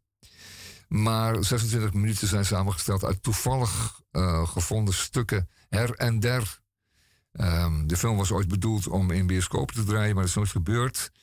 Ehm, de film heet Der Führer schenkt den Juden eine Stadt. Ehm, maar in werkelijkheid heet de film ook Theresienstadt, een documentaarfilm aus dem jüdischen Siedlungsgebied. Ehm, nou ja, whatever hij heette, maar in ieder geval, dat was de bedoeling dat die film ehm, een propagandamateriaal zou worden. Ehm, echter, de situatie was, zoals ik al zei, veel en veel ernstiger dan eh, werd voorgesteld. Het was niet meer en minder dan een soort westerbork waar mensen werden verzameld om ze later door te sturen. En vanwege propaganda om de wereld te laten zien dat ehm, de geïnterneerden, de gevangenen, daar nog een redelijk leven konden leiden. En dat de gevangenen, of de, de Joden die van de straat gehaald waren in diverse ghetto's in Europa, daar gewoon leef- nog leefden. Want wat deed men dan? Men nam prominente figuren die gekend waren.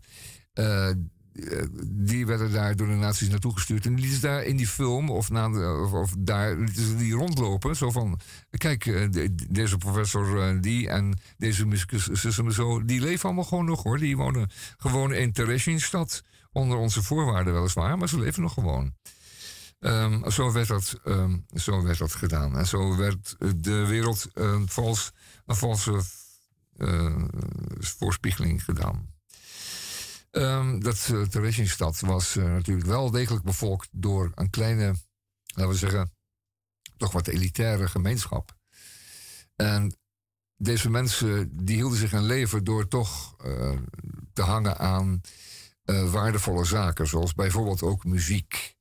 En ehm, om de situatie nog enigszins draagbaar of draaglijk te houden, ehm, hebben daar aanwezige muzici en enkele dirigenten, maar ook eh, muziekschrijvers, hun best gedaan om de mensen daar nog enige vreugde te schenken. eh, in deze bittere tijd, in die bittere omstandigheid, door eh, veel, de mensen veel te laten musiceren en te laten zingen. Onder meer is daar gek genoeg, vreemd genoeg, opmerkelijk genoeg, 33 maal, moet u ook nagaan, 33 keer Verdi's Requiem uitgevoerd.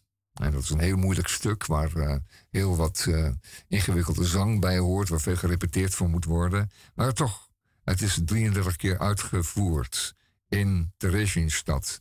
Ehm, er was naar verluid in Theresienstadt altijd wel wat op muzikaal gebied te doen. Was het niet een concert, dan was het wel een gelegenheid, een recital, een, eh, een toneel- of cabaretvoorstelling. Ehm, en zo wisten de mensen dat nog ja, de tijd door te komen tussen alle verdriet en ellende. En honger en vuiligheid, want er waren natuurlijk vlooien en ziekte en cholera en rottigheid. Plus dat er telkens mensen werden weggevoerd die nooit meer terugkwamen. Afijn. Ehm wat is het nou? Ehm, er is een Amerikaan geweest die heeft dit allemaal beschreven, gehoord eerst. En later is hij dat gaan onderzoeken. Wat is nou precies allemaal gebeurd? En, eh, en kwam toen dus inderdaad eh, achter de wetenschap dat er 33 keer een, ehm, de Requiem is opgevoerd. Onder leiding van een Tsjechische dirigent, Rafael Schechter. En ehm, deze Amerikaanse eh, dirigent die dat verhaal hoorde, die, die, die, die, die, heeft, zich, heeft toen besloten om te zeggen: Nou, dan, dan staat Requiem, eh, het Requiem van Verdi zeg maar, in teken van eh, de Holocaust in Kasu, uh, Theresienstadt. En daar moeten we iets mee. Dus hij heeft ehm, nu een wereldwijde tournee al enige tijd gaande, waarbij het Requiem wordt uitgevoerd. Uh, met het verhaal daaromheen. Um, ik geloof zelfs dat er ook wat uh, filmmateriaal uh, vertoond zal gaan worden. En zal gaan worden, zeg ik, omdat zondagavond aanstaande in, het, in de beurs van Berlage zo'n avond, het zo'n avond over Theresienstadt, eh zal worden opgevoerd. En dat het dat dus eh Verdi's eh, Requiem eh, zal worden uitgevoerd. Ehm, ik moet even kijken wie dat dan zal doen. Eh, even kijken hoor. Ik dacht dat het. het ehm, welk orkest het zal zijn, dat is al niet zo erg belangrijk natuurlijk. Maar het wordt een prachtige uitvoering. Moet ik even opzoeken hoor. La la la, ta la. Oké. ehm, ja. Nou ja, het is niet zo belangrijk. Ik kan die even niet vinden. Ehm, hij heeft het genoemd eh, Defiant Requiem. De betekenis van een kunstwerk is niet beperkt tot de oorspronkelijke tekst of intentie. Dat eh, Verdi's werk een katholieke mis is, zonder eh, direct verband met Joodse cultuur of achtergrond, is wat hem betreft irrelevant. Zoals het ook was voor Schechter en veel koorleden die in Praag een seculier leven geleid hadden. Ehm, en deze meneer Sitlin heeft, ehm, heeft eh, de overtuiging opgedaan dat de uitvoering van Verdi's Requiem een daad van verzet was. In feite eh, was er het ook, want ze lieten zich niet klein krijgen. Ze vonden van, we kunnen, dat, we kunnen dat doen, we moeten dit doen. En er is natuurlijk ook wel veel te zullen zeggen om dan juist zo'n treurig requiem uit te voeren. Dat was natuurlijk ook zo. Dies irae wordt hier genoemd. Ehm, het libera me eh, uit de requiem. Een bede om verlossing van de zonde. Een schreeuw om bevrijding. Zo wordt het genoemd. Ehm, er hoort ook een, een documentaire bij. En er horen teksten bij. Dat wordt heel bijzonder. Aanstaande zondagavond. Ik geloof dat, eh, dat er geen kaartje meer te krijgen zal zijn. Er is. Ehm, dan bent u te laat. Maar wellicht een volgende keer. Misschien wordt het nog eens een keer ge- uitgevoerd.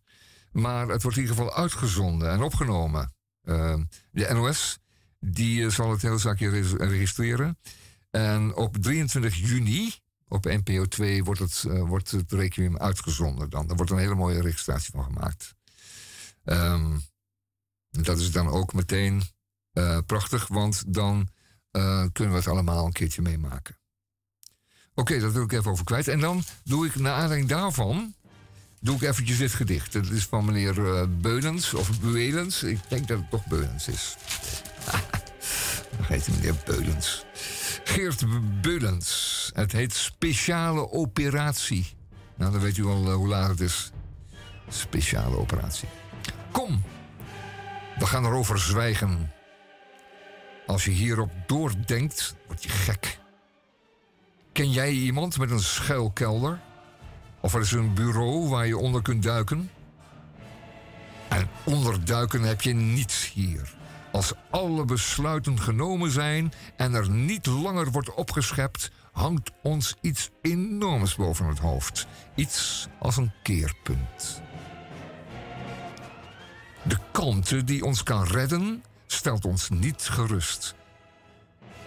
Heeft ze ons gesust misschien? Niet langer stelt ze ons in staat de ademhaling te reguleren. Weidelanden, maisvelden, bosarealen helpt het om het concreet te maken. Woonblokken, supermarkten, zeehavens.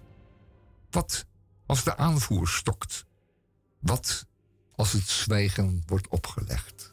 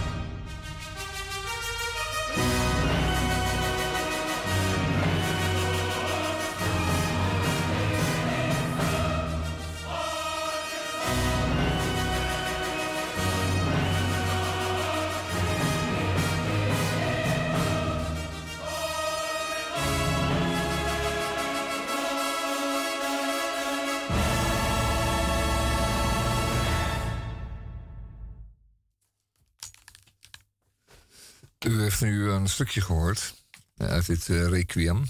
U hoort wel de, hoe, eh, wat een ingewikkeld stuk het is. En het is niet de Verdi die u kent van zijn vrolijke opera's. En u hoort ook wel dat het, eh, dat het koor ook geen eenvoudige taak heeft.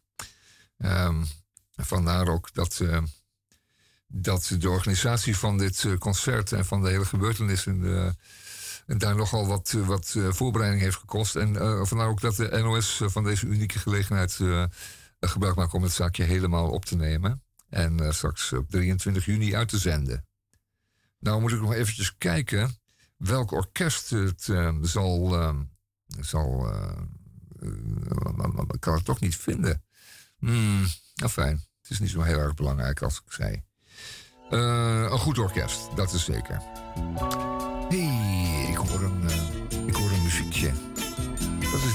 Kent u dit? Kromwoorden, denk ik. Krompraat. Ja, we hebben hier eh, een hele hoop eh, krompraatwoorden. En ze zijn allemaal wat eh, lastig en ingewikkeld. Ik laat het papiertje even zien aan mijn mede-radiomaker. Kijken of hij hier chocola of anderszins van kan maken.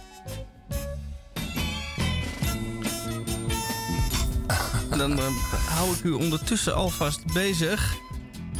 En dan ga ik vast het eerste kromwoord Nou, er zitten een paar goede bij, zeg. Hey, kanonnen. Best wel.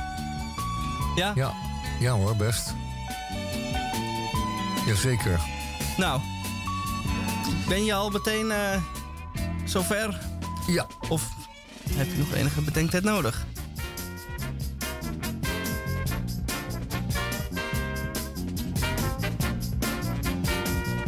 Ja, ik heb er wel één gekozen. Nou ja, ik zou dus wel ehm, eh, die eh, willen doen. Die ene? Ja. Ja. Ja, die- ene. Maar dat is ook wel een lastige zeg. Ehm, nou, die kunnen we heel kort over zijn. Ehm, we hebben daarbij staan onder, onder meer, hè, omdat het allemaal zo verschrikkelijk actueel is. We hebben hier staan eh Poetin-soldaatje. Poetin-soldaatje. Dat is een goeie natuurlijk en die behoeft weinig uitleg. Want we weten dat eh, de heer Poetin eh, zijn soldaten inzet als waren het tinnen soldaatjes. Je hebt, eh, je hebt veel oud-militairen die dan op zolder... en dat is ook weer een voorbeeld van eh, de Groene Amsterdam van deze week... oud-militairen die op zolder ehm, eh, eh, eh, slagen, veldslagen naspelen... met behulp van, van eh, kanonnetjes en tinnen soldaatjes... die ze dan opstellen in, eh, in rotten... en die dan zeg maar, de slag dan nog een keertje naspelen... Hè, na aanleiding van een verslag van die slag. Nou, dat, dat regiment dat rukt daarop. Dan komt de cavalerie erin. En dan beschieten de kanonnen van links naar rechts. In village enzovoort. En, en dan hebben ze daar heel veel vreugde aan. En die Poutains, die doet dat ook een klein beetje. Die zet zijn soldaten in als waren het tinnen soldaatjes. Want wat kan het hem schelen?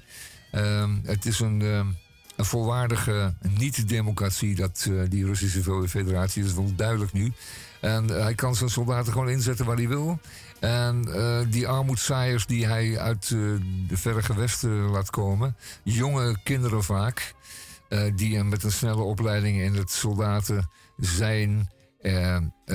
ingezet worden en als kanonnenvoer worden gebruikt. Cannon fodder wordt dat genoemd. Tinnen soldaatjes, Poutine soldaatjes, zou ik zeggen. Zou ik zeggen. Ja, prachtig. Ja, toch? Zeker. Ja. En daar een beetje mee spelen, zo op een, op een, op zo'n groot eh, stuk spaanplaat met, eh, met kunstgras erop en heuveltjes van papier-maché. Ja. Van, oh, hij valt om. Nou, dan zet ik een nieuwe in. Ik heb er nog een hele doos vol van. Ja. Hmm. Dan eh, doe ik er ook één. Ja. Dat is eh Huismussert. Dat is er nogal één. Ja, dat is ook al nogal één, hè? Ja, De, nogal. de Huismussert. Mhm. U denkt aan een huismust en u denkt aan Mussert. Anton. Anton. Antontje. Ja. Antonschen, ja. En wat is nou de huismussert? Dat is een persoon, meestal de man des huizes, die in zijn leunstoel achterover zit en zijn krantje leest. En dan bij iedere naam die hij tegenkomt, of iedere ieder onderwerp wat besproken wordt, klagend en tierend eh, en scheldend de boel eh, eh, beoordeelt vanuit zijn leunstoel met zijn blikje bier. En gaat meneer naar buiten, dan, dan verkondigt hij deze mening niet. En op zijn werk heeft hij ook niks te vertellen. En thuis eigenlijk ook niet, behalve dan in zijn leunstoel achter zijn eh, krantje. En dan moet iedereen ophoepelen en eh, zijn bek houden. En dan gedraagt hij zich als zijnde een ware eh huismussert. Huistuin- en keukenmussert, zou ik haast willen zeggen. Ik snap hem wel. Ja. Ja. Gedacht zoals zo'n potentaatje, zo'n een beetje een impotent potentaatje. Zoals Mussers ook was, helemaal geheel in dienst van de nazi's. En dan grote praatjes hebben. En het vuistje, een vuistje in de lucht steken. Ja. Ja, Mussers. Ja. Ja, ja, helemaal. Die, die man, eh, een van de weinige echt eh, voltrokken do- do- doodvonnissen. Mussert. Ehm, ik zie er nog meer staan. Ja, er laten we er nog een paar doen. Ehm, een verzetpil. Een variant op de zetpil uiteraard. En een verzet, dus allemaal, dat, nou, wij waren tot in 40, 45 allemaal in verzet. We allemaal, hoorden allemaal bij het verzet. En eh, dit is nu iets wat je kunt inbrengen. Een verzetpil. Dus als je het niet kan opbrengen, als je te angstig bent... dan eh, kun je daar een eh, verzetpil toe inbrengen. En dan gaat het wel weer even. Dan kun je wat moed aan ontlenen. Het is een, een medisch hulpmiddel in geval van lafhartigheid. Ah. Zou ik zeggen. Dat vind ik een mooie. Dus dan een pil die eh, de eh, moed Ja. in brengt. Inbrengt. Ja. Anaal eh, moet inbrengen. Ja. Verzet eh, pil. Verzetpil. Ja. Ik denk het, ja, zoiets dat moet het zijn. Ehm, Ja, zal ik er nog eentje doen? ja, ja, graag. Ik doe de mayo punaise. Ja. Mayonaise. En dan staat er pu mayo punaise. En wat is nou een mayo punaise? Dat is de laatste trend in dieetland. En u moet een beetje denken aan de enkelband. U krijgt een enkelband en als u dan eh, zich buiten een bepaald gebied begeeft... dan gaat er een belletje af of dan krijgt u een stroomschok of iets dergelijks. Dan wordt u in ieder geval eh, gestraft voor iets wat u niet mag doen. En dat doet de mayo punaise ook. Ik denk dat het dan alleen in mayonaise zit, maar dat is niet zo. Dat is gewoon de naam. Eh, voedsel wat niet meer in jouw dieet past, da- eh, daar, daar vindt u dan speltjes en punaises in, zomaar. Dus als u het toch u niet kan laten en u overmand wordt door trek en honger... en u toch bij de Burger King naar binnen stapt... Oh, of de McDonald's of de Febo... en u daar toch de vette hap uit de muur trekt... dan moet u niet raar opkijken dat er in die frikandel opeens een punaise zit. En dan weet je ook weer dat je aan dieet bent. Het zal u bezuren. En dan denkt u, hé, hey, die eh, persoon naast mij die staat eh, heerlijk te genieten van zijn kaassoufflé. En waarom heeft die dan geen punaises? Omdat die niet aan dat dieet meedoet. U doet aan dat dieet mee en dan verschijnen er plotsklaps overal scherpe dingen, glasscherven en dergelijke in eh, voedsel en dranken die u niet meer mag nuttigen. De mayo punaise. Ja. en dat is gelukkig. Het is, maar, het maar goed dat dit taal betreft. En dat het gelukkig niet zomaar kan. Want je zal toch maar een, een frikandel met een punaise erin trekken. Maar goed, ja, ik begrijp heel goed wat je bedoelt. Ehm, het zou ook kunnen zijn dat de mayonaise oneindig veel eh, pittiger en heter is dan je verwachtte. Dus, eh, je kunt tegenwoordig mayonaise krijgen waarbij een flinke lik eh, sambal is doorgemengd. Ah, En die dient er al voor om een wat laffe smaak van de mayonaise wat op te halen. Dat is ook een soort eh mayo punaise. Eh, ik heb er hier een staan die eh, luidt Roos Vizedenzaak. oh jee. U denkt Roos Vizé, de zaak. Een zedenzaak. Dat wat in godsnaam met Roos Vizé te maken hebben. Nou, het volgende. Ehm, wat is het nog geval? Eh Roos Vizé is een hele veilige vruchtensapachtige drank.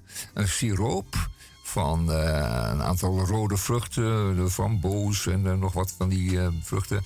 En eh, die schijnt en is eh, heel erg gezond. En je kunt hem bij zo zuiver en gezond dat je hem dus zelfs aan babytjes en eh, zeer kleine kinderen kunt voeren. Het bevat eh, geen onnatuurlijke suikers, althans zijn geen suikers toegevoegd. Anders dan fruitsuikers. En het is een eh, tractatie met een beetje eh, schoon water erbij. En een soort limonade. En het is heel verleidelijk lekker. En dat is nou meteen wat het verbindt aan de zedenzaak. Want wat is het namelijk? Ehm, eh, bij een zedenzaak zijn een aantal partijen betrokken. En eh, dat gaat ook vaak over eh, verleiding. En dat is nou precies wat ik bedoel. De roosvisé dient daartoe. Als u voelt wat ik bedoel. Het is een beetje omineus. Het is op het randje van, van netjes. Maar het, het heet nu eenmaal zo. Het heet een roosvisetenzaak. Ja. Nou, ik vind hem eh, prachtig. Nou ja, ik weet niet wat er zo prachtig aan is. Het is erg genoeg. Oh. Maar goed, roosvisetenzaak. Nu jij nog even. Nog eentje. Institutoyeren. Ah, dat, wat is dat dan? Ja, eh, denkt u aan tutoyeren eh, en denkt u aan instituten. Hè? Ehm, tegenwoordig, hè, vroeger was alles beter, maar tegenwoordig heeft men allemaal eh, foundations en eh, eh, stichtingen en dergelijke instituten opgericht. En het is dus de bedoeling bij het institutoyeren dat je niet meer gewoon maar u of jij zegt, maar dat je spreekt in mijn stichting en jouw stichting. Wij van stichting Huppel de Pup en, eh, enzovoort. Zoals in de Tweede Kamer ook niet direct jij mag zeggen, maar via de voorzitter, mevrouw de voorzitter, eh, eh, moet je nu praten via bedrijfjes, postbusbedrijfjes, stichtingen. U bedenkt het maar, het maakt verder niks uit als het maar niet direct op de man of de vrouw gespeeld wordt, maar via de foundation Ja. of de eh.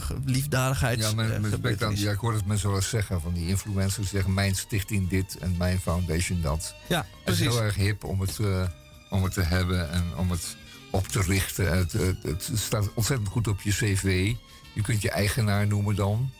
Dat doet men ook zo graag dan. En ach, wat stelt het allemaal voor? En ehm, men zegt wel eens dat al die, al die organisaties en al die stichtingen, al die ondernemingen, voor- juist voor, eh, eh, met al die goede doelen, juist een vernuikend effect kunnen hebben op, eh, op dat, juist dat goede doel. Hoe dat precies zit, kunnen we een andere keer nog wel eens behandelen.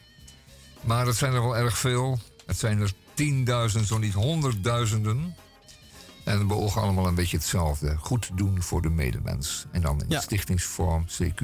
Joep van het Hek zei er ooit over. Ja. Weet je waarom die mensen goed doen? Omdat ze niks beters te doen hebben. nou, dat vond ik wel een mooie. En hiermee sluiten wij dan deze uitzending van Radio Dieprik Ja, maar af. is het weer eh, snel omgegaan voor Wat was het snel gegaan? En we hebben ernst en luim gemengd. Ja, inderdaad. En zo doen we dat het liefst iedere week. En wij wensen u en alle rondom u nog een fijne dag op deze warme dag. Doet u vooral niet te veel, ook niet te weinig. Trekt u iets uit, niet Ik- te veel. Ik, ik, ik denk wel met angst, angst en vrezen aan de. Zet ondertussen de, de Elvis maar op. Ik denk wel aan angst, angst en vrezen aan de, aan de nachtrust van velen. Ja, Huh? die gaat vaak eh, naar de knoppen. Mensen die geen, die geen muggengaas hebben, bijvoorbeeld. Wij hadden een. eh, Of die last hebben van. eh, we hadden van de Beatles eh, eh, achter de schermen eh, liedjes. Dat is er ook een van Elvis. Oh. Tot volgende week. Ja. Radio Dieprik. Oh, how foolish. Okay. Okay. Okay, we're rolling.